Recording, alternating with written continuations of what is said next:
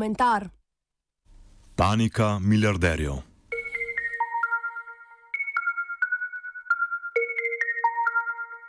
Nečesa bi se pa le lahko naučili od bogatih, preden jih pojemo, razredne solidarnosti in dobre propagande. Ameriški milijarderji so namreč strnili vrste in zagnali motor propagande o svoji nujnosti, dobroti in nepotrebnosti višjih davkov. No, če že zelo majhnih.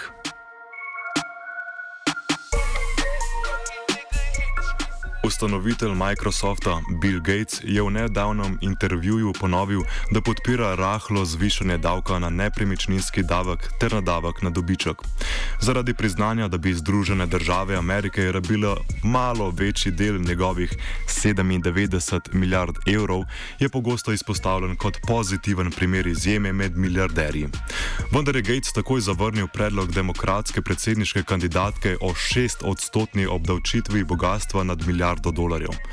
Če bi moral plačati 20 milijard v davkih, še ok, ampak če bi moral pa plačati 100 milijard, pa že začne malo računati, kaj bi mi še sploh ostalo, je pogodrnjal Gates, na kar je vendarle dodal: Hecam se. Sarkastično, če sklepamo po naslednjem delu pogovora. Kasneje je namreč izjavil, da bi v izbiri med Warren in Trump, katerega je večkrat kritiziral, volil za bolj profesionalnega kandidata, če tudi bi se ne strinjal s predsednikovimi stališči. Kriterije za profesionalnost ni razkril, ampak gotovo ni profesionalnost nikakor povezana z kdo se manj utika v moje bogatstvo.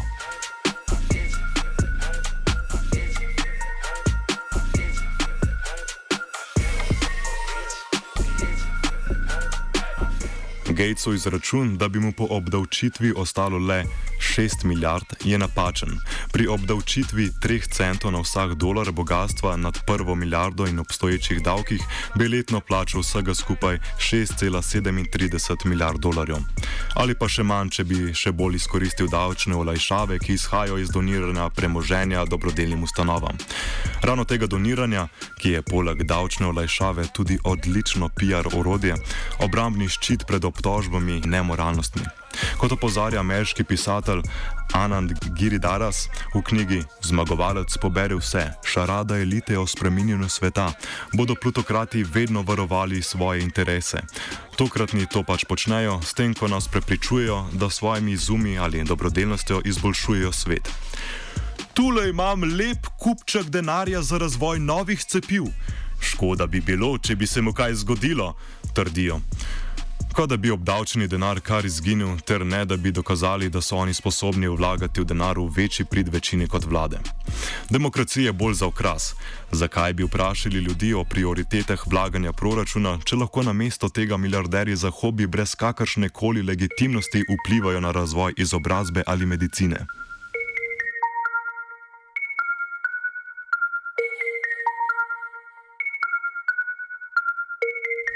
Mogoče nekateri celo prepričajo sami sebe v idejo, da so demonizirani, da jih predlogi obdavčitve ali izjave o tem, kako milijarderji sploh ne bi smeli obstajati, omalovažujejo in lažno prikazujejo. Oziroma, kot je dejal Gates, ni prepričan, da je Warren dovolj odprtih misli, da bi prisluhnila in se pogovorila z nekom, ki ima veliko denarja. Warren, ki v nasprotju s Sandersom podpira obstoj milijarderjev, je seveda takoj poskusila pomiriti Gatesa z vabilom na pogovor. Takšna ustrežljivost pa nekaterim ne zadošča. Najbogatejši zemljan Jeff Bezos, katerega razbitje Amazona predlagata Sanders in Warren, naj bi po objavi prvih davčnih načrtov teh demokratov poklical drugega milijarderja Mikea Bloomberga, če bi ta kandidiral za predsednika države. Nekdanji župan New Yorka, ki je že 2016 razmišljal o kandidaturi, je vložil dokumentacijo potrebno za kandidaturo v Alabami, saj se tam rok za prijavo izteče najprej. Ali bo dejansko storil uslugo Bezosu in svojemu egu, še ni jasno. Njegov svetovalec trdi, da Bloomberg še premišljuje o kandidaturi, da se boji, da nihče iz 17 demokratskih kandidatov ni dovolj močan za premagati Trumpa na splošnih volitvah. Njegova dosedaj izražena politična stališča, podpora reformi orožarske zakonodaje, boju proti klimatskim spremembam, nasprotovanje razširitvi zdravstvene oskrbe ali višanju davkov na bogate, ga sicer uvrščajo med centriste.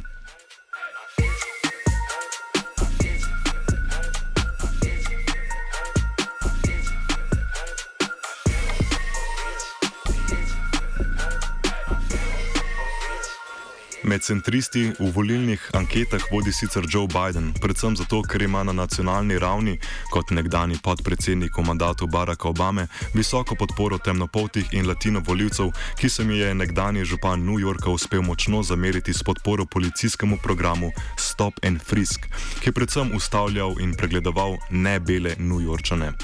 Edina možnost pridobitve glasov je zato odteg glasov belih voljivcev Bidena ali drugih centristov in posledična razdrobitev glasov na centrističnem krilu demokratov, ki lahko pomaga le Warren ali Sandersu, katerima sta Bloombergova kolega Bezos ali Gates tako nenaklonjena.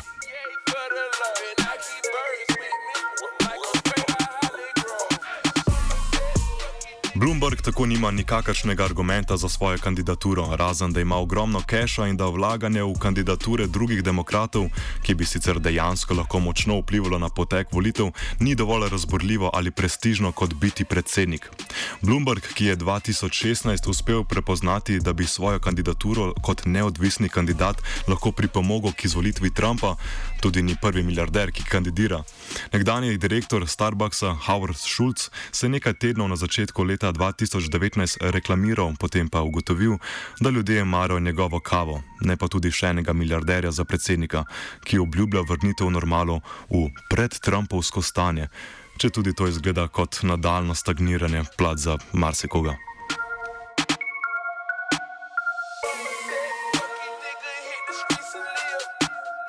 Zdi se, da je odločitev za kandidiranje na ravni instinktov in ne dejanskih možnosti za zmago. Kot mati, ki sredi požara iz sobe instinktivno odnese najdragocenejše, naprimer otroka, se zdi, da milijarderji ob napovedanem zvišanju davkov hitijo s prijavo za predsednika ali pa prosijo prijatelja naj se prijavi, ali pa bodo še razvili definicijo profesionalnosti, ki mu omogoči voliti za tistega, ki ne bo rezal po njihovem premoženju, ne da bi seveda to na kakšen način izrazil. Plutokrati bodo poskrbeli zase in nas poskušali prepričati, da je to vse v našem interesu. Vprašanje je le, koliko krat jim bomo nasedli. Komentirala je Geja.